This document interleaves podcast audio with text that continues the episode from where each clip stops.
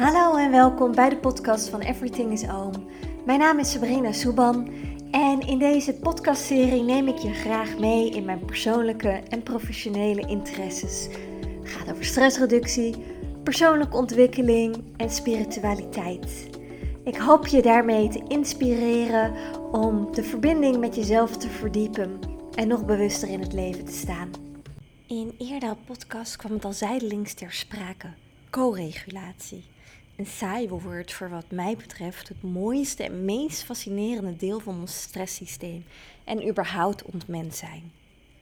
Wanneer je mijn andere podcast over stress hebt geluisterd, dan begrijp je een beetje hoe het zenuwstelsel in elkaar zit en functioneert. Heb je die niet geluisterd? Geen nood. Voor nu is het enige wat je hoeft te weten dat het zenuwstelsel je hele menselijke functioneren regelt. Van ademhalen tot sporten, van slapen tot genieten.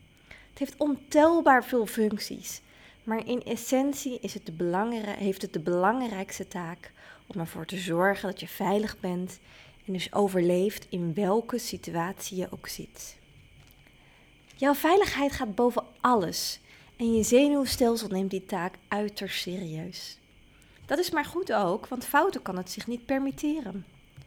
Want stel je voor dat een onveilige situatie per ongeluk als veilig is aangemerkt, dan zou dat zomaar je dood kunnen betekenen. Het zal dus eerder een situatie onterecht als onveilig aanmerken dan andersom. Je zenuwstelsel en je brein die krijgen per dag heel wat prikkels te verwerken. Veel meer dan de oermens vroeger ooit te verwerken had. Ons brein is heus wel wat geëvolueerd in de loop der jaren, maar dat proces gaat niet zo snel als de technologie zich ontwikkelt. Dat betekent concreet dat je per dag meer prikkels moet verwerken dan je systeem aan kan, dan waar het voor gemaakt is. En alles wat te veel is, wordt voor het gemak aangemerkt als onveilig. Gewoon just in case. De gemiddelde Nederlander heeft simpelweg door dit feit al te dealen met een zekere mate van stress. Tel daarbij op dat het nieuwste deel van de hersenen zo zijn voor- en zijn nadelen kent. Het is het deel van onze hersenen dat, dat ons onderscheidt van dieren. Het deel dat kan plannen, reflecteren, maar ook kan piekeren. En piekeren, daar is het dol op. Door constant een bepaalde, niet helpende gedachte te herhalen, ontwikkelen zich allerlei neurale paden. Ik leg dat even wat duidelijker aan je uit. Ik neem je mee naar een herkenbare situatie. Ik vind omlopen verschrikkelijk en ik zoek altijd de kortste weg naar mijn bestemming. Ik woon nu op Bali en er is hier een grasveldje waar ik eigenlijk omheen zou moeten lopen om naar mijn wijk te gaan. Dat duurt een minuut of vijf en in de brandende zon is dat geen pretje. Ik kan er ook dwars overheen gaan. Dan duurt het hooguit twee minuten. Nou, jij begrijpt ook wel waar ik voor kies. De eerste keer liep ik een beetje bang door het gras. Slangen weten mij altijd te vinden en ik ben doodsbang voor spinnen, bloedzuigers, schorpioenen en alle andere wezens die hier schuilgaan in het gras. Ik rende er met grote stappen doorheen en toen ik weer veilig op de stoep stond, was niet meer te zien waar ik had gelopen. Het gras veerde als het ware terug. En dat proces herhaalde zich een aantal dagen. Totdat ik op een dag mijn eerder bewandelde pad lichtjes kon onderscheiden. Het gras leek daar wat platter te zijn. Nu, na twee maanden, heb ik daar een duidelijk looppad gecreëerd.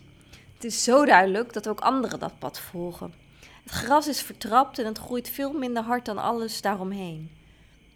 Over een tijdje zal er geen gras meer groeien en is er een echt pad aangelegd. Zo werkt het ook met je brein, met zowel positieve als negatieve gewoonten en gedachten. Herhaling zorgt voor een imprint.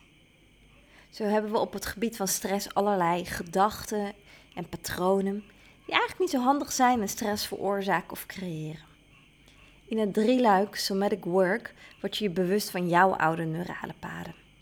Na bewustwording ontstaat er ruimte om een andere keuze te maken. Kortom, om iets nieuws te ontwikkelen. Iets wat wel dient. In de omschrijving van de podcast kun je trouwens een linkje vinden naar het drieluik voor wanneer je het interessant vindt om dit bij jezelf te onderzoeken.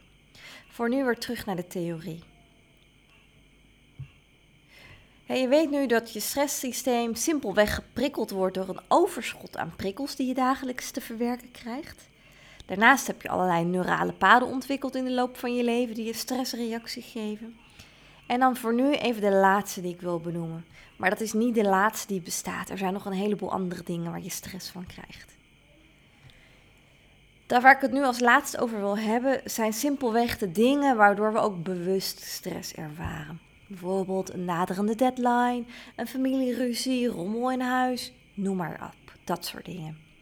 Kortom, iedereen heeft stress. De vraag is alleen of je je daar bewust van bent. Het voordeel van daar bewust van zijn is dat je je leven zo kunt inrichten dat er voldoende ontspanning is als tegenhanger. Dat is nodig voor je zenuwstelsel. Wanneer je werkelijke ontspanning ervaart, kan alles in je systeem opladen en functioneer je niet op je reservebatterij. Daar, daarover kun je meer horen in een van de eerdere podcasts. Hoe ontspanning er voor jou uitziet is afhankelijk van onder meer je neurale, sorry, neurale paden en je eerdere ervaringen. Wat voor mij ontspannend werkt, kan voor jou heel stressvol zijn en andersom. In het drieluik Somatic Work ga je jouw blauwdruk in kaart brengen, zodat je leert herkennen wat jij wel en niet nodig hebt. Toch hebben we als mensen ook allemaal overeenkomsten in dat stresssysteem. De niveaus van stress komen bij iedereen overeen. Net als het feit dat we die allemaal trapsgewijs omhoog en omlaag aflopen. Iets anders wat we gemeen hebben is co-regulatie. Dat betekent dat je veiligheid, dat is een stap richting ontspanning, kunt ervaren simpelweg door de aanwezigheid van iemand die zich op dat moment al veilig voelt. Ook dat is weer het werk van je zenuwstelsel. Als baby zijn kun je jezelf nog niet kalmeren. Dat is het werk van moeder natuur en daarvoor heb je iemand anders nodig. Dat noemen we reguleren. Om te kalmeren, om te reguleren heb je een volwassene nodig. Jouw zenuwstelsel en stresspatronen ontwikkelen zich onder andere aan de hand van regulatie. Het heeft alles te maken met het gevoel van veiligheid. Baby's zijn daarin afhankelijk van de bescherming van opvoeders.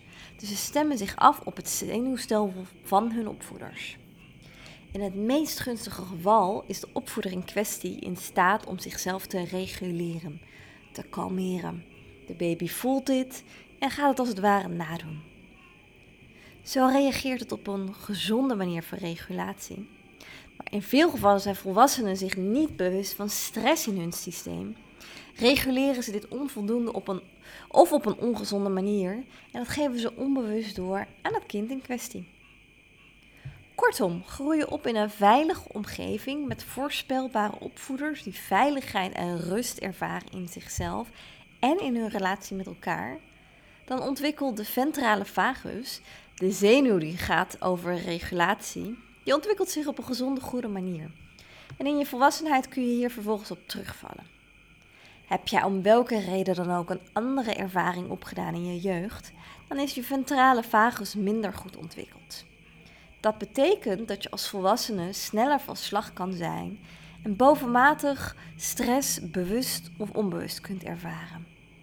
dat is waarom ik vanuit mijn achtergrond als pedagoog echt pleit dat persoonlijke ontwikkeling zo belangrijk is voordat je aan kinderen begint, of op zijn minst wanneer je als opvoeder eh, bezig bent.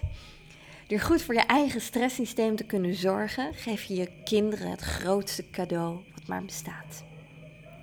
In je vroege jeugd bouw je dus een stresspatroon op. Daarna leer je om jezelf te reguleren.